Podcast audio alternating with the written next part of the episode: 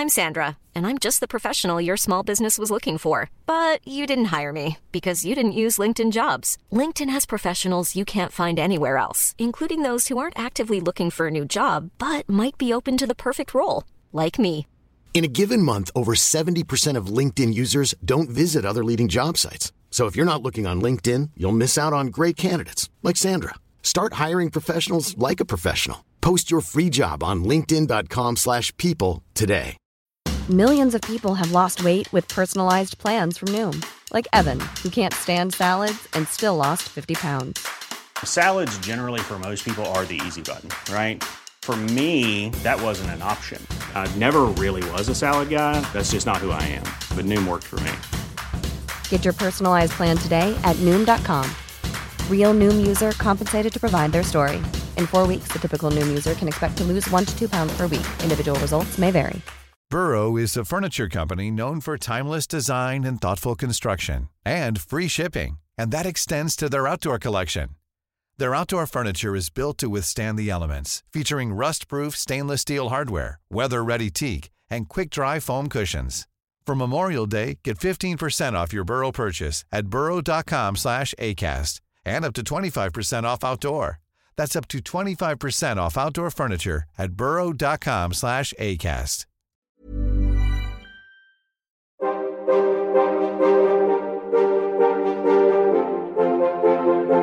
Oudheid is fascinerend. Een enorme puzzel waarvan we stukjes hebben. En heel veel stukjes ook niet. Al op de basisschool trokken de verhalen over het oude Egypte, de Romeinen, Griekse mythen, het oude China en het onderzoek naar al die oude culturen en mensen me als een magneet naar zich toe. En ik wil meer. Graag neem ik, Timo Epping, je in deze podcastserie mee op reis naar het verre verleden. Ga in gesprek met wetenschappers die ons in iedere aflevering een uurtje meenemen in hun eigen onderzoek. Hun eigen zoektocht naar de oudheid. Het is tijd voor de oudheid.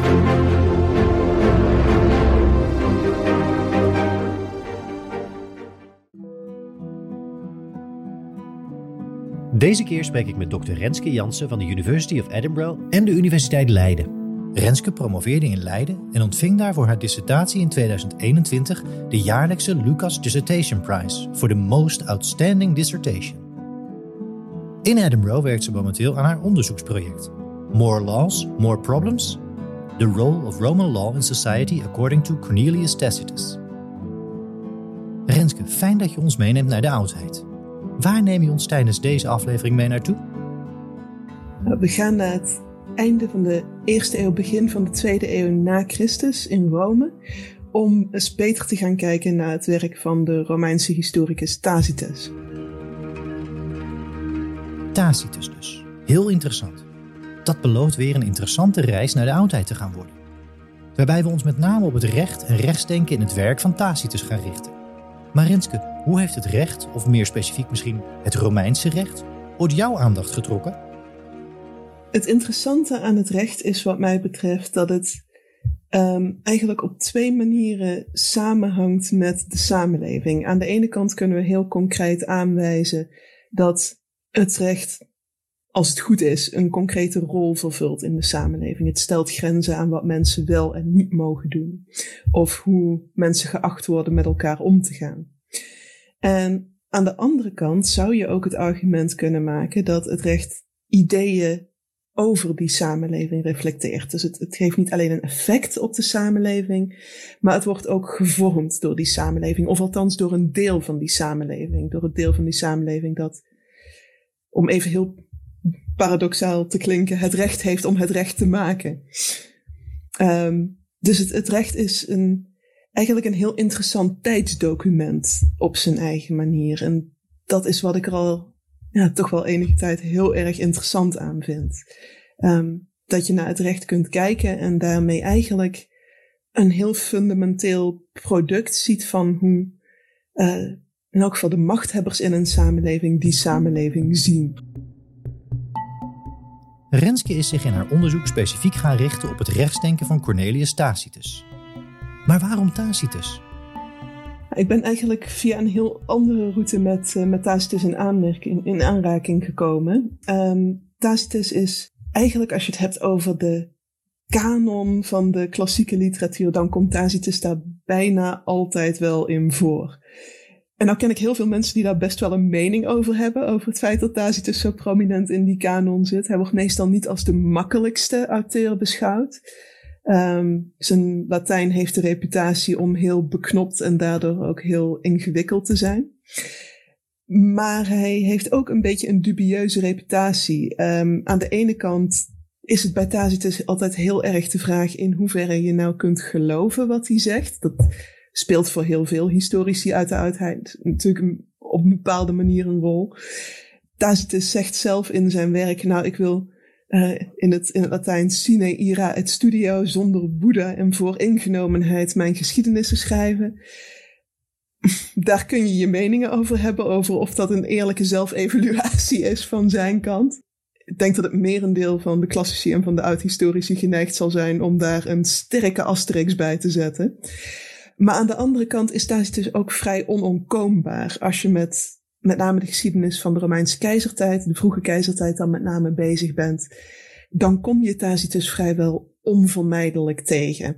En dat betekent dat ik hem ook in, in eerder onderzoek tegen ben gekomen en dat ik hem een heel interessante en spannende auteur begon te vinden.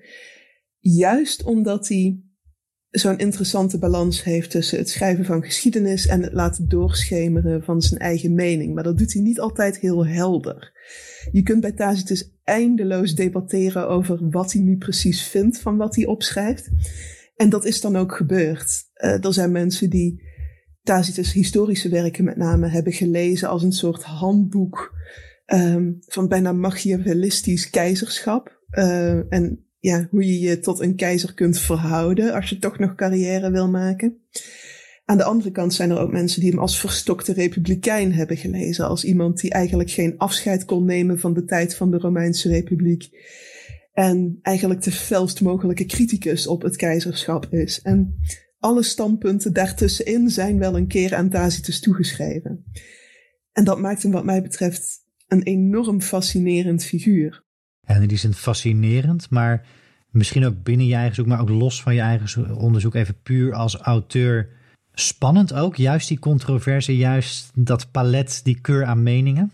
Ja, zeker. Juist omdat hij zo, ja, soms heel scherp uit de hoek kan komen en dan weer ervoor kan kiezen om um, twee verschillende tegenovergestelde geruchten naast elkaar te zetten en dan volstrekt in het midden te laten welke die nou denkt dat waar is. En daarmee vooral heel veel de suggestie wekt dat bepaalde dingen zijn gebeurd.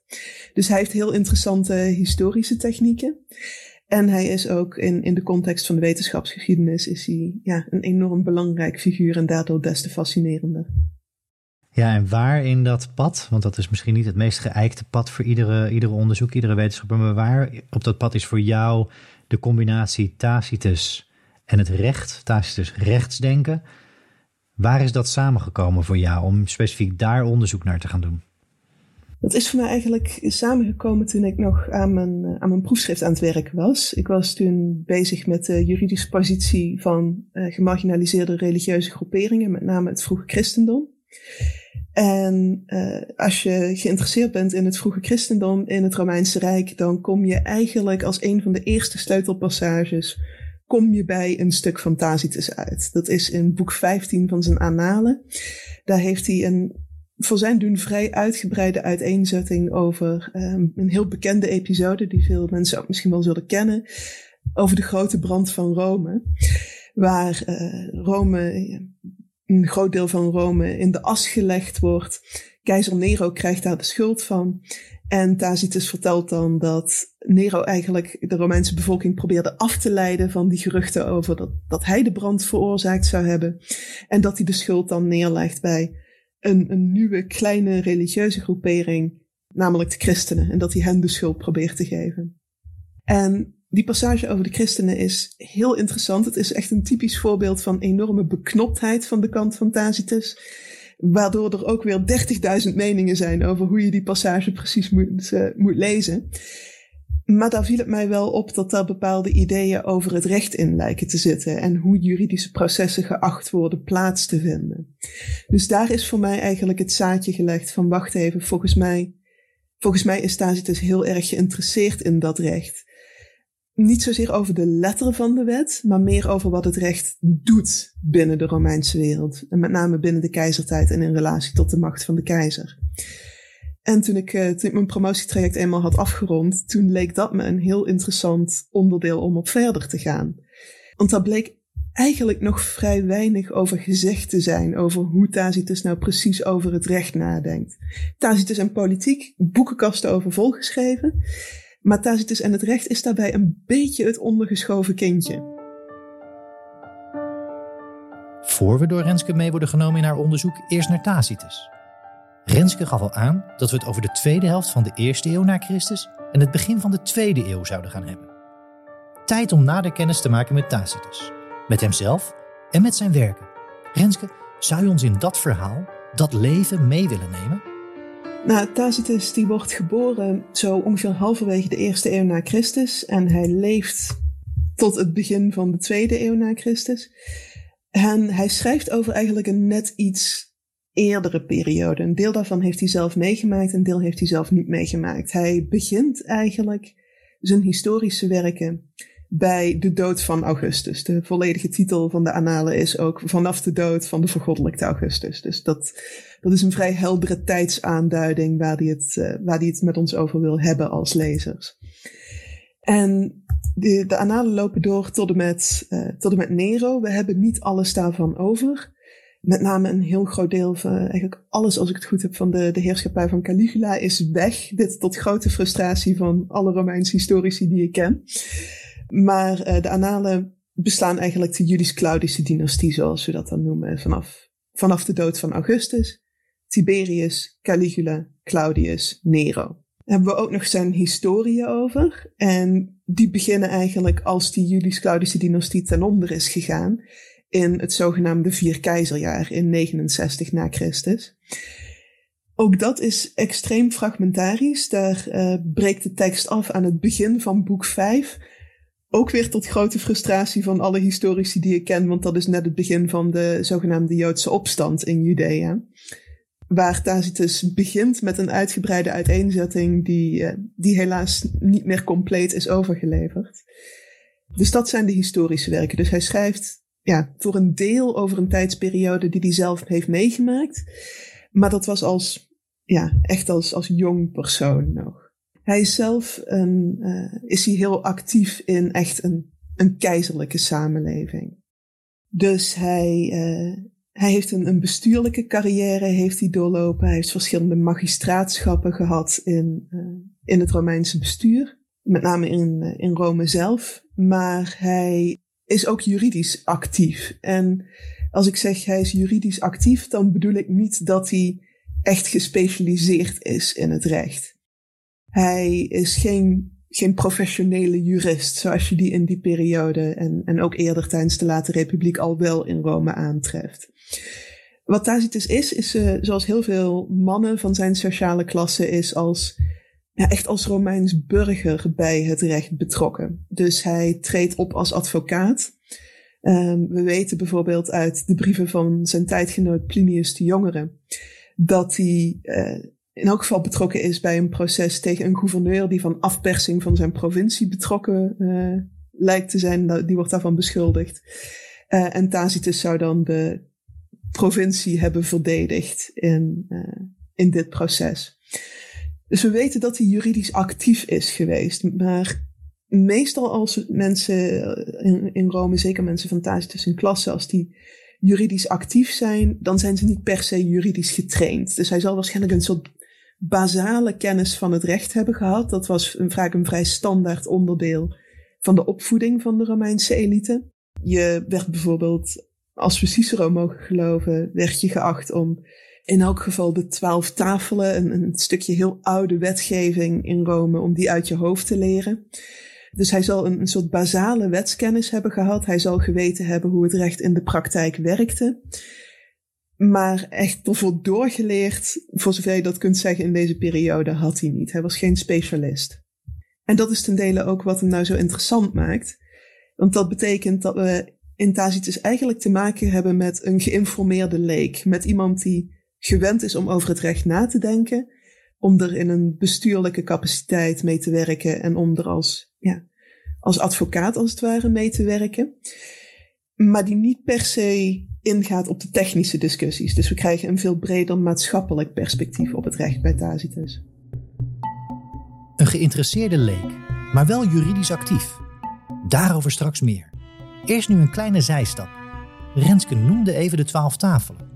Maar waar hebben we het dan precies over? Nou, de twaalf tafelen zijn. Ja, het staat eigenlijk bekend als het oudste geschreven recht in het Romeinse Rijk. Het zou zijn uitgevaardigd ongeveer halverwege de vijfde eeuw voor Christus. Dus dat is een flinke tijd voordat Tacitus actief was. Um, door een, een speciaal benoemd gezelschap van uh, ja, de Decemviri worden die genoemd, de tien mannen. En die krijgen de opdracht om gecodificeerd recht voor Rome te maken. En daar zijn allerlei legendes over. Hoeveel daarvan waar is, is een beetje dubieus. Het is, het is echt die prille, vroege geschiedenis van Republikeins Rome. Uh, maar volgens de verhalen gaan ze dan naar Griekenland om te kijken hoe ze daar hun gecodificeerd recht hebben gedaan. En dan stellen ze in eerste instantie tien tabletten op. Dus uh, ja, traditioneel gezien zijn dat, zijn dat bronzen tabletten waar dan de wetten op opgeschreven worden. Um, in eerste instantie tien. Vervolgens besluiten ze dat ze toch nog niet helemaal tevreden zijn en maken ze er nog twee. Vandaar de term de twaalf tafelen. En daar staat eigenlijk het basale recht op. Dus bijvoorbeeld procedures voor rechtbanken. Het recht van de, de paterfamilie als het gezinshoofd in Rome. Uh, dingen als voogdij en uh, een erfenis, bezit, landrechten, dat soort dingen staan allemaal in de twaalf tafelen. Je moet het echt zien als de vroegste geschreven wetscode van Rome. En die krijgt daarna vervolgens een heel belangrijke, bijna legendarische status. Dus je kunt daar naar verwijzen als, als bewijs dat, ja, dat dit echt heel oud recht is. Dat dit het vroegste recht van Rome is. Duidelijk. Renske noemde net al dat Tacitus juridisch actief was. Maar dat dan als geïnteresseerde leek. Hij was er niet specifiek voor opgeleid, om het zo te zeggen. Hoe werkte dat in de Romeinse samenleving in die eerste en tweede eeuw na Christus? En wanneer was je dan wel een professionele jurist? Het verschil tussen professioneel juristen en mensen die juridisch actief zijn, is in de context van de vroege keizertijd wel een heel interessante. Um, eigenlijk wordt deelnemen aan het recht is, is tot op zekere mate een burgerplicht. Dus als je als Romeinse man lid bent van de elite, dan wordt er traditioneel van je verwacht dat je mensen die van jou afhankelijk zijn, ook juridisch bijstaat. Dus als ze bijvoorbeeld eh, tegen een probleem aanlopen met een contract, of ze worden ergens van beschuldigd, dan kunnen ze naar jou toe komen om je om advies te vragen. Zeker als je zoals, uh, zoals Tacitus senator bent. En er zit dus een koppeling tussen ja, deelnemen aan het recht en actief deelnemen aan de samenleving ook. Um, waar je rekening mee moet houden is dat het oude Rome niet zoiets heeft als openbaar aanklagers. Dus je kunt niet bij de overheid aankloppen met een, uh, met een aangifte en dan wordt daar vanuit overheidswegen een advocaat opgezet. Dat is heel vaak een privé-aangelegenheid. En dat geldt zelfs voor dingen als diefstal. Dus bijvoorbeeld als ik denk dat jij mijn fiets gestolen hebt, dan is het aan mij om naar de rechtbank te gaan en daarover een klacht tegen jou aan te dienen, uh, in te dienen.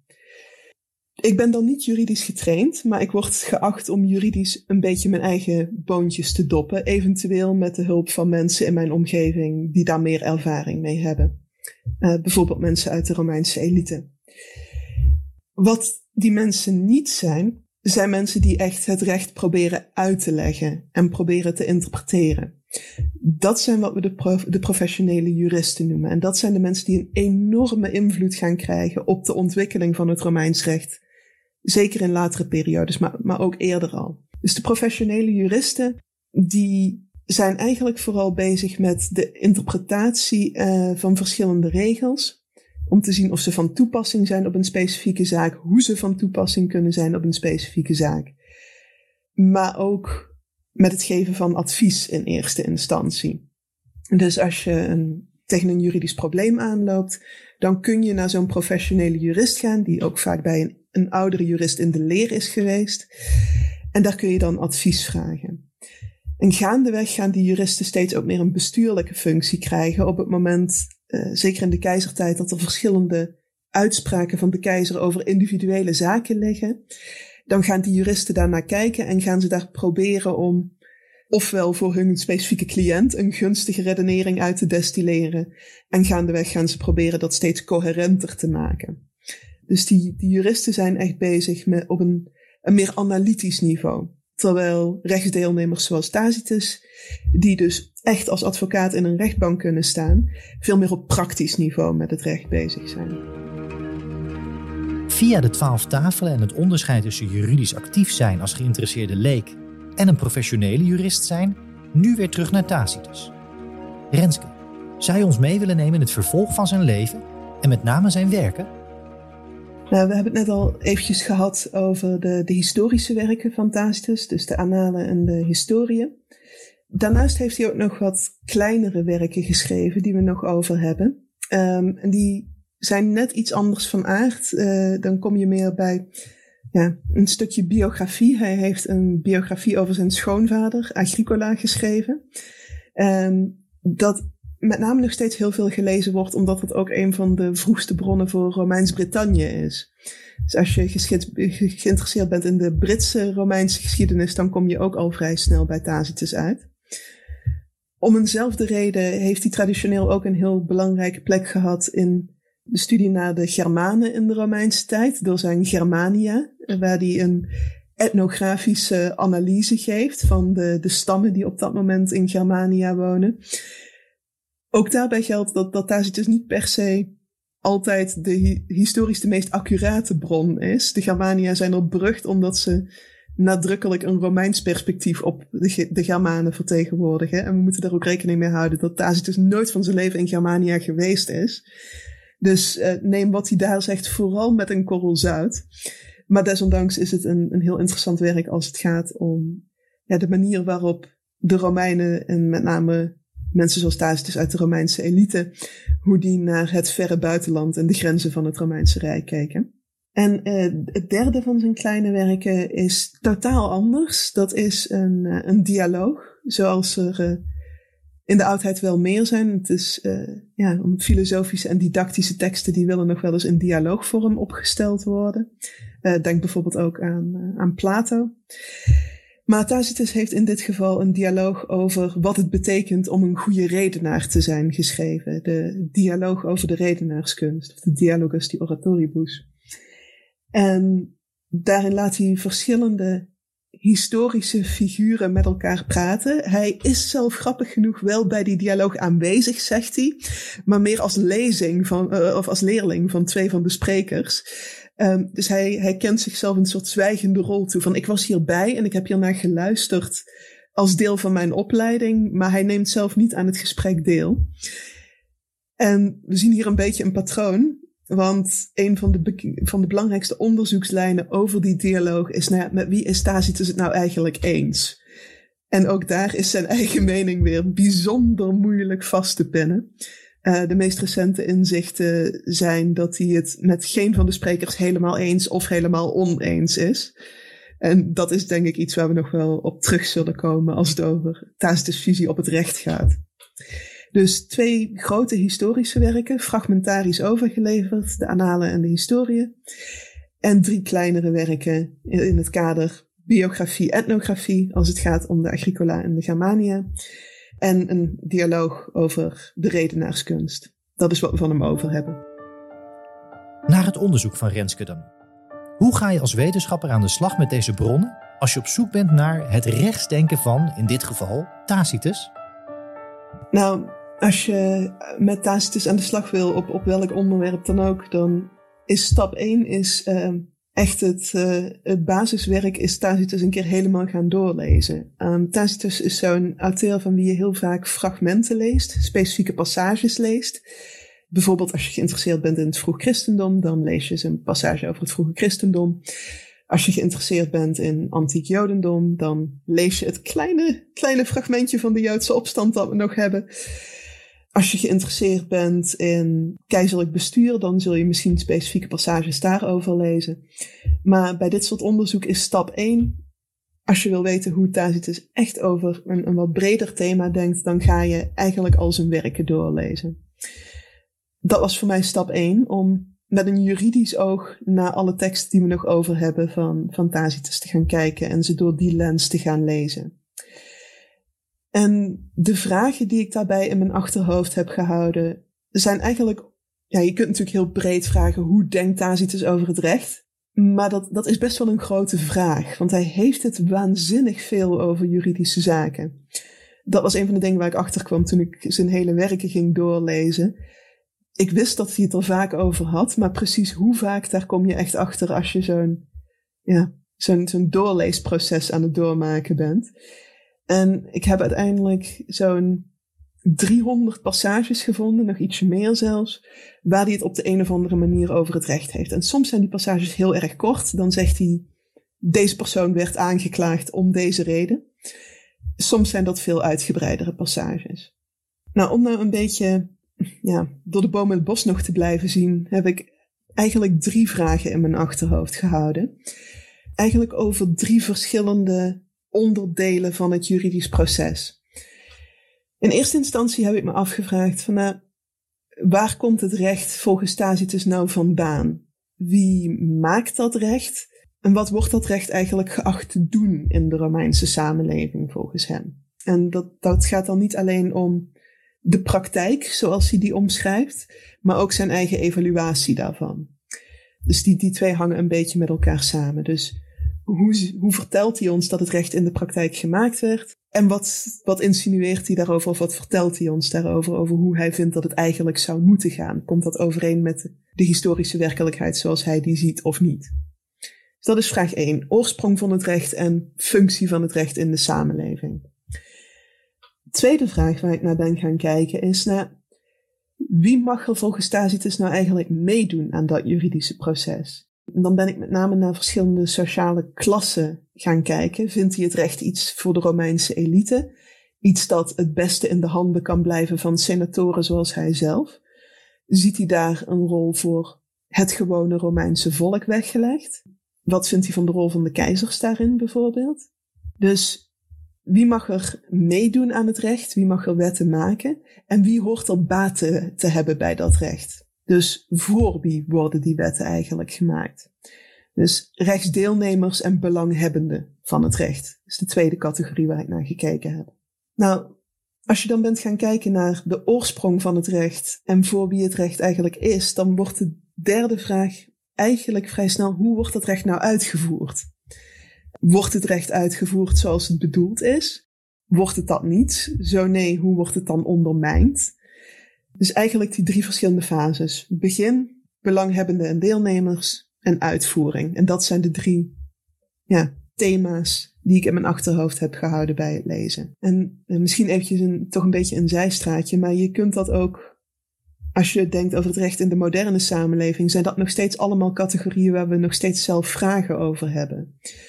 Dus als het gaat over waar komt het recht vandaan, wie mag het recht maken, dan ja, kunnen we natuurlijk inderdaad kijken of, um, of een wet door het parlement gemaakt wordt in, uh, in de moderne samenleving.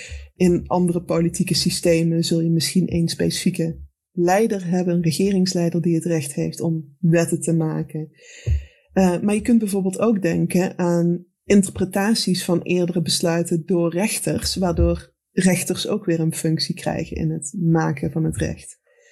Je zou bijvoorbeeld ook kunnen denken aan grondwetten, waarin vaak een heel duidelijk idee wordt gegeven van wat het recht eigenlijk geacht wordt te doen. Dus in Nederland hebben we bijvoorbeeld artikel 1 van de grondwet, die eigenlijk automatisch opent met het discriminatieverbod. Dus wat wordt het recht in Nederland geacht te doen, krijg je meteen als signaal als je de grondwet openslaat. Nou, in Nederland wordt uh, iedereen onder gelijke omstandigheden gelijk behandeld. Dat is meteen het uitgangspunt van de grondwet. Dus dat geeft een thema aan. Andere landen hebben daar, uh, ja, beginnen met iets anders in hun grondwet. Uh, de Duitse grondwet begint bijvoorbeeld meteen met de menselijke waardigheid. En zo kun je bij de Amerikaanse grondwet bijvoorbeeld zien dat hij meteen begint met we the people. Dus een, ja, allemaal andere accenten over wat de rol van het recht in de samenleving precies is. Hetzelfde geldt uh, over ja, die rechtsdeelnemers. Wie wordt er precies geacht om juridisch capabel te zijn? Een systeem zoals in Rome, waar je je eigen aanklacht indient, mensen zelf voor het gerecht daagt, is een heel ander systeem dan een meer geprofessionaliseerde juridische samenleving, zoals we die in Nederland tegenwoordig hebben. En hetzelfde geldt voor uitvoering. Doet het recht ook wel echt wat het geacht wordt te doen? En daar hebben we in Nederland natuurlijk de afgelopen jaren heel veel mee te maken gehad met iets als de toeslagenaffaire, waar denk ik toch een vrij breed gedragen consensus is dat het recht daar absoluut niet gefunctioneerd heeft, zoals de bedoeling was. Dus de reden ook dat ik die, die drie vragen heb gekozen, heeft ook te maken met het feit dat dat nog steeds fundamentele vragen zijn over hoe het recht precies functioneert. Hiring for your small business? If you're not looking for professionals on LinkedIn, you're looking in the wrong place. That's like looking for your car keys in a fish tank. LinkedIn helps you hire professionals you can't find anywhere else, even those who aren't actively searching for a new job but might be open to the perfect role. In a given month, over 70% of LinkedIn users don't even visit other leading job sites. So start looking in the right place. With LinkedIn, you can hire professionals like a professional. Post your free job on linkedin.com slash people today. Millions of people have lost weight with personalized plans from Noom. Like Evan, who can't stand salads and still lost 50 pounds. Salads generally for most people are the easy button, right? For me, that wasn't an option. I never really was a salad guy. That's just not who I am. But Noom worked for me. Get your personalized plan today at Noom.com. Real Noom user compensated to provide their story. In four weeks, the typical Noom user can expect to lose one to two pounds per week. Individual results may vary. Een heel interessant kijkje in de onderzoekspraktijk van Renske, waarin Tacitus rechtsdenken dus centraal staat. En Renske noemde het al. Tacitus heeft het rond de 300 keer over recht in zijn werken. Maar waarom zo vaak? Want het is echt veel. Het is waanzinnig veel, inderdaad. Ja, um, waarom heeft Tacitus het daar zo vaak over? In de eerste plaats omdat recht en bestuur heel nadrukkelijk met elkaar verweven zijn. Tacitus is bezig met een, een analyse van eigenlijk een opkomend keizerschap. Niet voor niks begint hij bij, uh, in de annalen in elk geval, begint hij bij de dood van Augustus, bij, het, ja, bij de Julius-Claudische dynastie. En dat betekent ook, op het moment dat je een keizer krijgt, betekent er ook dat er juridisch het een en ander gaat verschuiven. Want je hebt opeens een nieuwe hoogste autoriteit in de samenleving, die ook juridisch een heleboel in de melk te brokkelen krijgt. Dus Tacitus gebruikt het recht heel vaak om keizerschap te evalueren. Wie is er een goede keizer? Wie is er geen goede keizer? Hoe functioneert keizerlijke macht überhaupt? Hoe weten keizers hun macht uit te oefenen? Dus dat is absoluut een van de redenen, denk ik, dat hij het er zo vaak over heeft. Een andere reden is ook dat Tacitus senator was. Hij zat in de, de Romeinse senaat. En de senaat was niet meer per se de bestuurlijke powerhouse die het onder de republiek wel geweest was. Maar nog steeds was het wel een, een significant orgaan als vertegenwoordiging van de Romeinse elite. En als senator kreeg je dus ook vaker met juridische kwesties te maken. Er moest soms gestemd worden over nieuwe wetgeving. En als je zoals ziet dus ook in de praktijk juridisch actief bent, dan is het iets dat op je radar zit. Um, als je als bestuurder actief bent, even goed als een van de andere magistraturen binnen het Romeinse Rijk. Dus het zal op zijn radar gestaan hebben als een, een onderwerp dat belangrijk is voor hoe de Romeinse staat functioneert. En dat ook iets te zeggen heeft over hoe de Romeinse staat functioneert. Dus ik denk dat het daarom zo'n prominent thema voor hem is. A, vanwege zijn persoonlijke ervaringen, maar ook, over wat het, ook door wat het zegt over het functioneren van Rome en, dan het, uh, en, en het functioneren van het keizerschap in het bijzonder. Overigens, dit haakt heel erg aan een onderzoekslijn die echt niet alleen binnen de klassieke, binnen de oudheid voorkomt. Um, het thema recht en literatuur wordt ook voor andere tijdsperiodes, uh, is dat een, een heel interessante onderzoekslijn. Er zijn, als je erover gaat nadenken, eigenlijk heel veel teksten En dan kun je teksten in de, ja, in de, de strikte zin als boeken, romans, et cetera opvatten, maar ook in, in wat, net, wat bredere zin. Als in cultuuruitingen, die eigenlijk heel veel met het recht te maken hebben. Denk bijvoorbeeld aan het proces van Kafka, waar een, een toch wel heel specifieke opvatting over het rechtssysteem in zit. Maar zo, zo zijn er, als je gaat nadenken, een heleboel romans of tv-series of films te bedenken. Die een heel specifiek beeld geven op het rechtssysteem. En ook een boodschap hebben over wat dat recht precies hoort te doen en wat het in de praktijk doet. Dus het is niet een, een onderzoekslijn die alleen binnen de, oude, binnen de oude geschiedenis en de klassieke talen vertegenwoordigd is. Maar ook eentje die, ja, waar heel interessant samengewerkt kan worden met onderzoekers die aan andere periodes werken interessante mogelijkheden tot samenwerking. Maar soms is samenwerken nodig of meer nodig tussen verschillende specialisten en vakgebieden om tot een beter, completer beeld van de oudheid te komen. Een voorbeeld als het gaat om Romeins recht is de relatie tussen rechtshistorici en oudhistorici. Ja, traditioneel is dat een, een vrij interessante splitsing. Een beetje afhankelijk van hoe ver je teruggaat natuurlijk. Um, maar in de wat, uh, wat recentere wetenschapsgeschiedenis zien we dat als je op institutioneel niveau gaat kijken, dat uh, Romeins recht en oude geschiedenis, dat die vaak op verschillende faculteiten zitten, ja, een totaal andere departementale structuren hebben. Romeins recht heeft, is traditioneel ingebed bij, uh, bij rechten. En is via die weg absoluut ook toegankelijk voor, uh, voor geïnteresseerde studenten. Maar het zit niet automatisch institutioneel gekoppeld aan de oude geschiedenis of de klassieke talen. Nou, gelukkig wordt er uh, op, op persoonlijk niveau wordt er met enige regelmaat samengewerkt. Maar er wordt wel gezegd dat daar een, ja, toch een verschillende denkwijze in zit. Dus uh, de vakgroepen Romeins recht zijn vaak meer geïnteresseerd in het werk van die professionele juristen, dus de, de analyses van de experts, zijn misschien ook iets meer geïnteresseerd in ja, rechtsdoctrine, als je het zo wil noemen. Terwijl bij oude geschiedenis ja, wordt ook wel naar het recht gekeken, maar vanuit een, een breder historisch perspectief vaak. En het is bijvoorbeeld wel opvallend dat er bij opleidingen oude geschiedenis niet automatisch een college Romeins recht zit inbegrepen. Nogmaals, dat kan wel. Uh, er lopen een heleboel collega's rond die heel geïnteresseerd zijn in het recht en die ook uh, vanuit een historisch perspectief colleges aanbieden over antiek recht. Maar het is niet altijd een automatische koppeling. En het is ook niet altijd een makkelijke koppeling, omdat er ja, soms met verschillende methodes en verschillende aandachtspunten gewerkt wordt. En de laatste tijd is dat dichter tot elkaar aan het komen. Ook door een, een bredere interesse van beide kanten over recht en samenleving. En ik denk zelf dat dat een heel erg positieve ontwikkeling is. Omdat het specialisme van de Romeinse juristen, daar zit zoveel specifieke vakkennis over. Ja, neem alleen al iets als juridische terminologie. Wat een enorm mijnenveld kan zijn. En als je vanuit een juridische opleiding komt, dan heb je niet altijd automatisch ook de kennis van de historische context. Dus ik zie er zelf erg veel meerwaarde in om, ja, om daarin samen te werken en uh, ja, de krachten te bundelen, als het ware. Terminologie waar Tacitus zelf ook nog wel eens over struikelde, toch? ja, Tacitus is niet, um, niet de meest technische juridische auteur, laten we het zo zeggen. Um, hij gebruikt verschillende termen door elkaar heen die in een juridische context vaak verschillende dingen betekenen.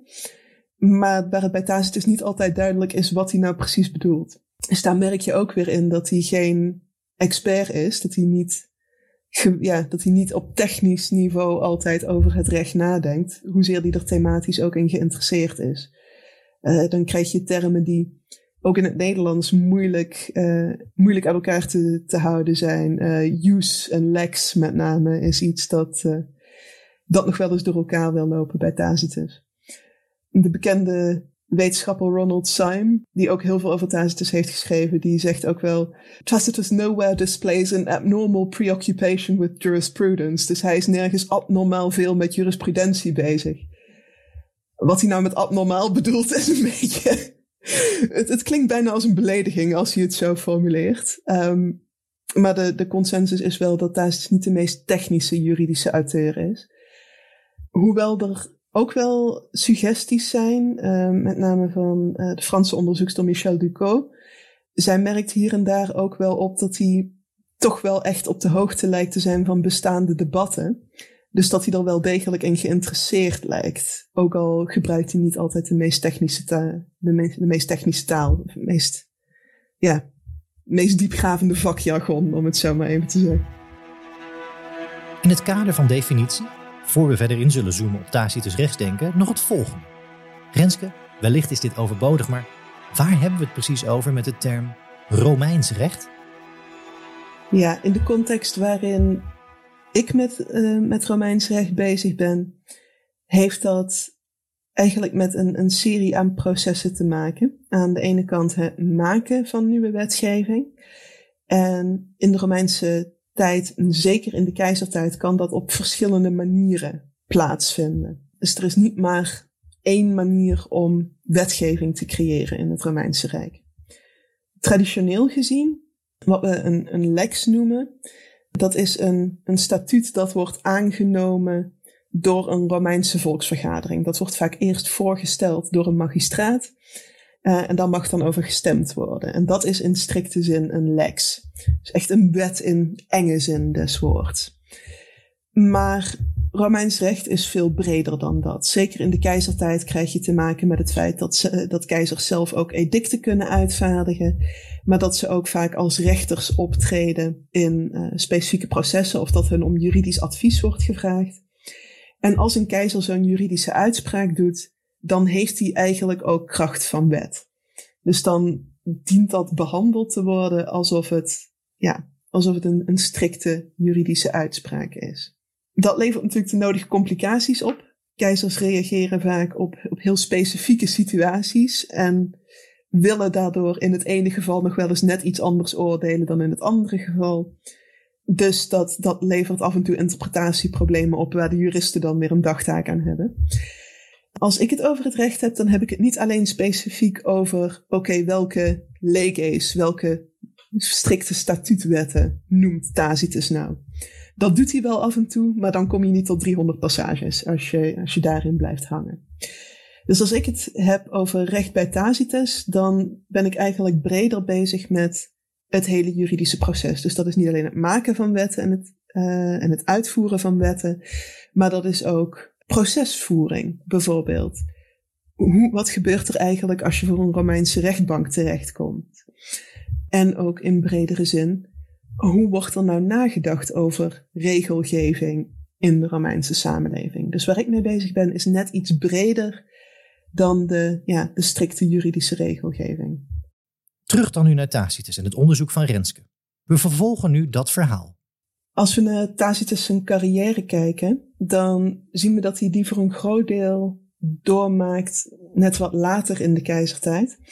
En een belangrijke naam om daarbij te noemen is die van Domitianus. Domitianus is de laatste keizer van de Flavische dynastie. Dus eigenlijk de, dynastie die na dat vier keizerjaar komt bovendrijven uh, en de Julius-Claudische dynastie opvolgt.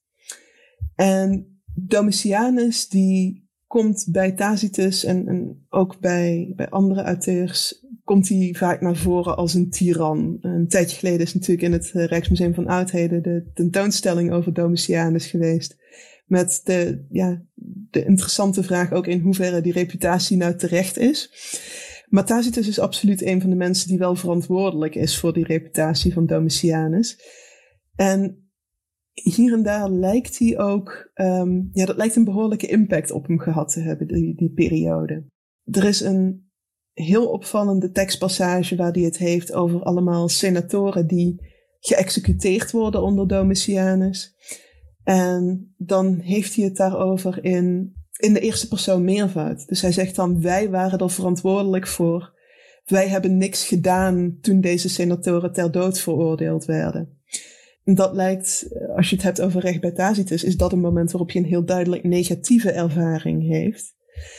Waarbij die heel nadrukkelijk gezien lijkt te hebben dat het recht soms ook heel repressief kan zijn. En heel, ja, potentieel gevaarlijk kan zijn. Dus die naam van Domitianus is wel een belangrijke om te onthouden als we het over Tacitus' carrière hebben. Een beetje op tweeslachtige wijze, want dat is ook het moment dat hij echt zijn grote carrièregroei lijkt door te maken. Dus aan de ene kant uh, gaat het dan professioneel hartstikke goed met hem, maar hij lijkt toch wel een klap te hebben opgelopen van die periode. Dus dat, uh, dat moet een boeiende periode in zijn leven geweest zijn, maar ongetwijfeld niet de makkelijkste. Een interessante periode waarbij we met Domitianus in het staartje van de eerste eeuw zijn beland. En Renske noemde in een artikel de tweede eeuw in juridisch opzicht een interessante periode. Waarom is dat zo? De tweede eeuw is een heel boeiende periode, omdat je dan langzamerhand een meer, te maken krijgt met een meer, gevestigde, een meer gevestigd keizerschap. Dus er beginnen steeds meer specifieke ideeën te komen over hoe dat keizerschap moet functioneren en hoe dat juridisch moet worden ingekleed. Dat betekent met name dat je, als je kijkt naar uh, keizer Hadrianus, dat er dan een aantal belangrijke dingen plaatsvinden. Zonder nou al te technisch te willen worden, maar er zijn een aantal belangrijke juridische instituten die relatief flexibel zijn traditioneel. Um, dus bijvoorbeeld het provinciaal edict en ook het edict van de pretor. En die edicten, daar staat globaal in welke rechtsremedies er eigenlijk beschikbaar zijn. Dus concreet gezegd, waarvoor kun je bij die magistraat terecht als je tegen welk probleem aanloopt. En van oorsprong zijn dat vrij flexibele documenten. Dus een nieuwe pretor of een nieuwe gouverneur, die kan daar dingen uit weghalen die niet meer werken. Kan er dingen aan toevoegen die die, uh, waar, waar die van heeft gehoord dat dat vaker voorkomt, die misschien wel praktisch nodig zijn. Maar gaandeweg begint dat te verstenen. En begint dat eigenlijk vaak gewoon meer gekopieerd te worden door de volgende magistraat die die functie in bezit neemt. En onder Hadrianus zien we dan dat die beide teksten officieel worden vastgelegd. Dus dat lijkt een periode te zijn waarin er ja, meer een, een stabilisering en een coherent maken van het recht, uh, waarin dat belangrijker wordt gevonden. Aan de andere kant is er ook wel beargumenteerd dat uh, de tweede eeuw ook een periode is waarin in de provinciën specifieke ideeën over het recht veel meer op de voorgrond komen. Dus dat betekent dat je ook meer lokale opvattingen krijgt over wat het recht precies doet. Dus het is aan de ene kant een periode waarin er ja, vanuit van overheidswegen heel goed wordt nagedacht over welke rol heeft het recht in ons bestuur, waarin ook juristen een steeds grotere rol in, uh, in het keizerlijk hof beginnen te krijgen maar waarin anderszins toch ook, ja, zeker op, op lokaal niveau nog wel echt verschillende ideeën bestaan over wat het recht precies is en hoe dat ingezet moet worden. En dat maakt het een, een heel erg interessante periode. En Tacitus leeft daar eigenlijk net voor. Hij zit net in de aanloop naar de heerschappij van Hadrianus toe. We weten niet precies wanneer die is overleden. Het kan zijn dat hij nog net een stukje Hadrianus heeft meegemaakt. Maar hij maakt wel de, ja, eigenlijk de aanloop naar die tweede eeuw maakt hij mee. En dus eigenlijk nog voor een, een heel belangrijk deel ook de, ja, de vorming van die balans tussen, tussen recht en keizerschap. En hoe daar precies mee moet worden omgegaan. We hebben Tacitus leren kennen. Hebben gehoord over zijn werken over recht en meer specifiek Romeins recht. Maar nu naar de kern van het onderzoek van Renske. Het rechtsdenken van Tacitus. Renske noemde eerder al 300 passages in zijn werk waar het gaat om juridische zaken. Van belang voor haar onderzoek. Maar zou je ons verder mee willen nemen in je onderzoek en voorlopige bevindingen? Wat opvalt aan de manier waarop Tacitus met het recht omgaat, is dat hij eigenlijk niet heel eenduidig is in wat hij nou van het recht vindt. Als we kijken naar waar hij, waar hij mee bezig is, met name in zijn historische werken, dan lijkt hij vaak juridische processen te omschrijven waarin dingen op de een of andere manier niet helemaal goed gaan. En hij lijkt het recht regelmatig als een potentiële bedreiging te zien. Dus wat we bijvoorbeeld heel vaak tegenkomen bij Tacitus zijn mensen die aanklachten indienen om er zelf beter van te worden. Dus stel je bent een, senator, een senator die carrière wil maken, dan uh, zegt Tacitus, wat je dan kunt doen is een prominent figuur dat misschien niet helemaal lekker ligt bij de keizer op dat moment, die kun je beschuldigen van overspel of die kun je beschuldigen van misschien wel magische handelingen of een poging tot het, het voorbereiden van een opstand. En als jij die persoon nou aanklaagt, dan is dat een heel goede manier om gezien te worden door de keizer en daar misschien wel zelf een voordeel uit te halen. Uh, in carrièrematig opzicht of in financieel opzicht. En dat motief van die aanklachten uit, uit winstbejag, dat komt waanzinnig veel voor bij Tacitus. Er is zelfs een, een naam voor dat type aanklager in het Latijn. Dat, uh, die worden vaak de delatores genoemd. Uh, aanklagers met een dubieus motief. En Tacitus lijkt heel erg gefascineerd te zijn door die mensen op alle verkeerde manieren. Um, dus hij beschouwt ze echt als een plaag voor Rome. Uh, zo, zo omschrijft hij ze vaak ook letterlijk. En daar lijkt het heel erg het idee in te zitten dat het recht dan niet voor jou persoonlijk is, het recht is er voor de samenleving. Dus het recht is er niet om er als individu beter voor te worden, maar het is er om voor, voor stabiliteit en veiligheid voor iedereen te zorgen. Maar Tacitus zou misschien Tacitus niet helemaal zijn als hij, als hij niet heel erg in, in de potentiële risico's bleef hangen. Dus de risico's van de manier waarop het recht gebruikt kan worden, dat lijkt een van zijn voornaamste interesses te zijn. Dus hij staat relatief weinig stil bij dingen die heel erg goed gaan met het recht. Dat, dat lijkt niet zijn voornaamste prioriteit te zijn. En nou heeft Tacitus sowieso wel de reputatie om een beetje zwartgallig te zijn. Gebaseerd op zijn rechtsdenken is dat denk ik niet helemaal onwaar. Misschien interessant om, om kort even aan te stippen. Een van de plekken waar dat denk ik het best naar voren komt, is in een heel interessante passage in boek 3 van de Annalen. Waar die bezig is met een, een bespreking van huwelijkswetgeving. Dus ja, beperkingen aan, niet zozeer beperkingen als wel aansporingen om toch vooral te trouwen. En, en privileges die, er, die eraan verbonden zijn als je als je trouwt en straffen als je niet trouwt. Dat is vanuit een soort bevolkingspolitiek. Laten we hopen dat dit niemand op ideeën brengt, maar goed. En Tacitus die, die is bezig met die, met die huwelijkswetgeving. En hij zegt dan van, nou, we moeten ons eigenlijk wel afvragen hoe we nou tot deze enorme hoeveelheid wetten zijn gekomen. En dan begint hij een, wat we het, zogenaamde rechtsexcurs noemen. Een soort historische uiteenzetting vanaf het vroegste begin van de mensheid over waar het recht nou eigenlijk vandaan komt. En dat is een enorm interessante passage. Het is een van de, de langste juridische passages die bij Tacitus voorkomt. En wat hij daar doet, is eigenlijk teruggaan naar de, de vroegste periode van de mensheid, waarin mensen nog helemaal geen, geen staten hadden of nog, geen, ja, nog niet eens echte bestuurders. En hij zegt dan, in die vroegste tijd waren er eigenlijk helemaal geen wetten. Die, die hadden mensen helemaal nog niet nodig. En ze werden nergens door angst van weerhouden. En er was ook geen beloning nodig om ze aan te sporen om het juiste te doen. En hij begint dan bij die, ja, echt die gouden eeuw bijna. Dat is een, een heel bekend motief in de Romeinse literatuur. Gaat hij verder door de Romeinse geschiedenis heen en omschrijft hij hoe het recht zich ontwikkeld heeft en wat voor rol het heeft gespeeld in de Romeinse samenleving. En wat er in die passage heel vaak terugkomt, is het idee dat het recht toch heel makkelijk misbruikt kan worden en dat het repressief gebruikt kan worden. En dat heeft ook heel erg te maken met de context waaruit die historische uitweiding voortkomt. Dus het komt vanuit die huwelijkswetgeving.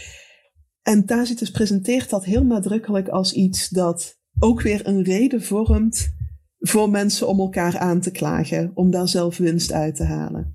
Zij zegt dan, door die huwelijkswetgeving wordt eigenlijk iedereen onder strikte controle van zijn medeburgers gezet. Mensen bespioneren op elkaar, mensen houden elkaar in de gaten. En er is telkens het risico dat je aangepakt wordt op basis van die huwelijkswetgeving. Dus meteen voordat hij het überhaupt heeft over de geschiedenis van het Romeinse recht, is er al het idee dat dat recht iets is dat potentieel heel nare consequenties kan hebben. En dat er in een ideale samenleving misschien, misschien wel niet zou zijn, aangenomen dat mensen zich fatsoenlijk weten te gedragen. Um, dus dit is niet om Tacitus nu meteen een anarchist te noemen. Ik denk niet dat hij dat is. Maar hij is wel heel erg bezorgd over de verschillende manieren waarop het recht gebruikt kan worden en waarop het verkeerd kan worden ingezet. En, uh, een andere heel interessante passage dan heeft hij het over keizer Claudius. En uh, keizer Claudius die wil trouwen met zijn nichtje Agrippina. Uh, Agrippina, de moeder van Nero, voor sommigen misschien wel bekend. En ja, trouwen met je eigen nichtje, dat is een beetje dubieus. Um, in, in Rome ook, net zoals nu. Maar de Senaat kiest er dan toch voor om een, een, wet uit te vaardigen waardoor Claudius met zijn eigen nichtje mag trouwen. En dat niet alleen, ze zorgen er ook voor dat dat voor iedereen toegestaan wordt. En dat doen ze eigenlijk, lijkt Tacitus te insinueren, om vooral de keizer te vriend te houden. Dus er wordt eigenlijk een, een heel nieuwe wet gemaakt, puur zodat politici niet in de problemen komen bij de keizer. Dus dat, dat zijn van die voorbeelden waaruit blijkt dat ja, Tacitus vrij, vrij sceptisch is als het op het recht aankomt. En hij zegt ook wel regelmatig, ja, idealiter moeten mensen beschermd worden door het recht. Uh, en moeten de, de zwakken tegen de machtigen beschermd worden. Maar waar hij vooral de nadruk op legt, is dat dat in de praktijk vaak gewoon niet zo werkt. En dat lijkt een heel centraal thema in zijn rechtsdenken te zijn.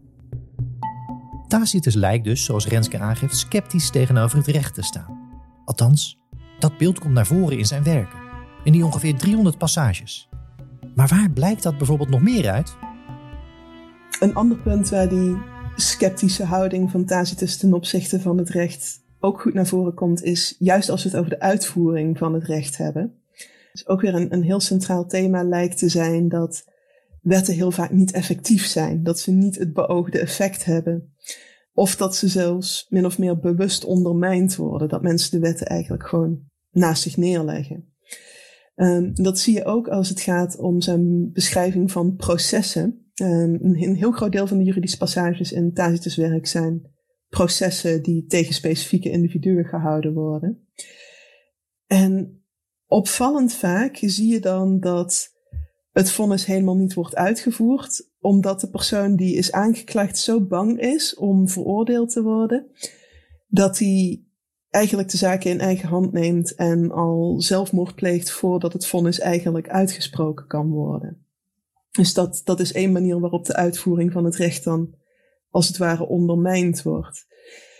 Een andere kant van dat verhaal is dat we herhaaldelijk zien dat mensen niet gestraft worden omdat ze een prominent figuur hebben dat hun beschermt. Dus mensen die appelleren dan bijvoorbeeld aan de keizer of een lid van de keizerlijke familie. En die doet dan een goed woordje voor ze en dan wordt, ja, dan zegt Tacitus van, uh, deze persoon was misschien wel, uh, was misschien wel schuldig, maar dat, uh, dat, dat liep allemaal met een sisser af. Dus dat is ook een, ja, een manier waarop Tacitus lijkt te suggereren dat ja, niet altijd alles even goed werkt als het op het recht aankomt. En dat ja, sociale en politieke dynamiek, dynamieken soms bijna belangrijker lijken te zijn dan het algemeen belang, zoals hij het dan vaak noemt. Dus ja, die, dat, dat idee dat het, het recht vaak niet werkt zoals het behoort te werken, zie je met name als je op de uitvoering van het recht gaat letten. Zie je dat heel prominent naar voren komen, dat daar zich daar regelmatig zorgen over lijkt te maken. Er zijn zelfs een paar gevallen waar uh, passages waar hij een vrij absurdistisch beeld geeft van processen die gewoon koppig doorgaan, ook al is de aangeklaagde al, al lang en breed overleden en zou daar niet eens meer een vonnis uitgevaardigd kunnen worden. Dus een vrij, ja, bijna karikaturale situatie van nee, we zullen kosten wat kost deze senator schuldig verklaren, ook al is hij er al lang niet meer. Dat, dat geeft een heel, ja, lijkt aan te geven dat het volgens Tacitus in die processen helemaal niet meer om het recht te doen is, maar dat het vooral erom lijkt te gaan om politiek het juiste signaal af te geven. Die sceptische houding van Tacitus zorgt dat wellicht ook voor een bepaalde houding tegenover recht en bijvoorbeeld ook wetten? Dus als ik zeg Tacitus is heel sceptisch over het recht, dan wil dat niet zeggen dat hij het liefst alle wetten meteen maar de deur uitzet. Hij, met name als hij het eh, in de historie heeft over het, het vier keizerjaar, dan lijkt hij zich ook heel erg zorgen te maken over totale wetteloosheid. En dat komt ook in het rechtsexcurs waar ik het net al eventjes over had naar voren. Um, tijdens de burgeroorlogen van de late republiek, dat een situatie waarin het recht totaal niet meer functioneert, dat hij dat ook niet als een wenselijke situatie ziet. Dus zo sceptisch als hij is, hij is, ja, hij, hij wil het recht niet totaal de deur uitwerken. En hij lijkt daar heel, heel ambivalent in te staan. Hij lijkt zich vooral zorgen te maken over de nadelen van verschillende situaties. Met ja, wat je misschien globaal zou kunnen omschrijven als een teveel aan recht en een te weinig aan recht. Die ziet hij allebei als problematisch. En een soortgelijke ambivalentie zie je eigenlijk ook als, als hij het heeft over wie er nou geacht wordt deel te nemen aan het recht. Want aan de ene kant zegt hij regelmatig van ja, het recht moet wel de zwakke tegen de sterke beschermen. Dat, dat is de primaire taak van het recht. Maar als je dan vervolgens kijkt welke rol het gewone Romeinse volk nou eigenlijk speelt in die juridische passages, dan heb ik er moeite mee om Tacitus echt als een, een populist te zien. Laat staan een democraat. Dus het, het gewone Romeinse volk in Tacitus wordt bijvoorbeeld heel, heel zelden direct geciteerd. Het is meer een massa die beschreven wordt als dingen schreeuwend. Dus de, de massa komt dan buiten het senaatsgebouw staan en die proberen de besluitvorming daarbinnen te beïnvloeden. Maar ze doen dat niet per se door argumentatie of door een, een beredeneerde stellingname. Tacitus omschrijft dat vaak in termen van, ja, van emotie en soms ook van agressie. Zijn, uh, zijn wel bijvoorbeeld voorbeelden te geven waar hij zegt van ja, luister, dit was nou zo'n proces waarin de aangeklaagde echt duidelijk transparant schuldig was. Maar het volk geloofde dat absoluut niet en probeerde die persoon in de rechtbank dus bij te staan door geschreeuw en ja. Maar dus, dus voornamelijk door, door emotie gedreven lijkt, er, lijkt Tacitus opvatting dan te zijn. Aan de andere kant lijkt hij er ook wel weer heel erg op gebrand te zijn dat met name processen, dat die toch wel een zekere mate van zichtbaarheid en transparantie moeten hebben. Dus hij, is, hij lijkt heel erg kritisch te zijn op processen die bijvoorbeeld in de studeerkamer van de keizer plaatsvinden. Want daar ziet niemand wat er gebeurt. En als je gaat kijken naar bijvoorbeeld de, de dialoog over de redenaarskunst, dan hebben eigenlijk alle verschillende sprekers hebben het erover dat de opleiding van een redenaar in elk geval idealiter deels in de openbare praktijk plaatsvindt. Dus dat ze het forum op moeten en naar zoveel mogelijk rechtszaken moeten luisteren.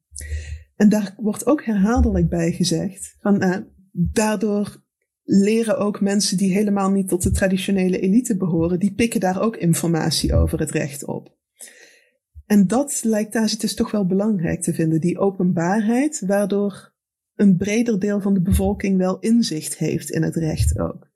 Dus hij lijkt ook weer niet te zeggen van nou, het recht moet een strikt aristocratische aangelegenheid zijn. Dus zowel als het gaat om de meerwaarde van het recht op zich, als wie er precies mag meedoen aan het recht, lijkt hij vrij ambivalent te zijn. Het is bijvoorbeeld ook niet alsof hij de Senaat nou per se een betrouwbare rechtsdeelnemer eh, vindt. Eigenlijk het grootste deel van nou, als ik het heel oneerbiedig mag zeggen, de absolute juridische ongein die bij Tacitus naar voren komt, is de schuld van zijn medesenatoren. Zijn senatoren die eigenlijk ofwel geen ruggengraat hebben of zelf beter willen worden van een bepaalde stellingname. Dus het volk mag dan misschien emotioneel zijn en niet altijd heel beredeneerd stelling nemen. Maar het is ook niet alsof hij nou duidelijk zegt dat het recht bij de Senaat heel erg in goede handen is. Laat staan dat het nou per se bij de keizer echt op zijn plek is. Dus ja, wat maken we daarvan voor Tacitus' mentaliteit? Hij lijkt een heel um, sceptische, een heel bezorgde en soms bijna een cynische auteur te zijn als het op het recht aankomt. Geen al te positief beeld bij Tacitus dus, als het het recht in Rome betreft. Een beeld waarmee we nu dus wellicht in mineur deze aflevering met Dr. Renske Jansen afsluiten. Maar het gesprek ging verder. Binnenkort wagen we ons in een bonusaflevering aan een specifieke casus, waar Tacitus over schreef. Ofwel, True Crime Tacitus.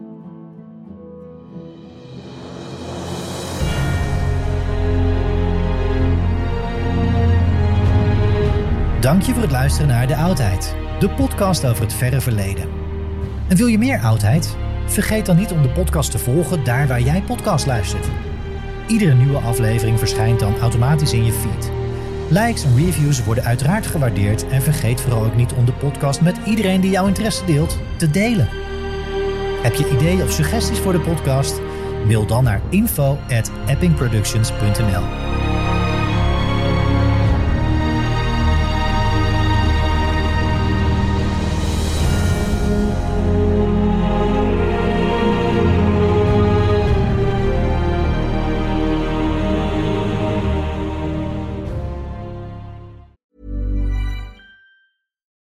it's Paige DeSorbo from Giggly Squad. High quality fashion without the price tag. Say hello to Quince.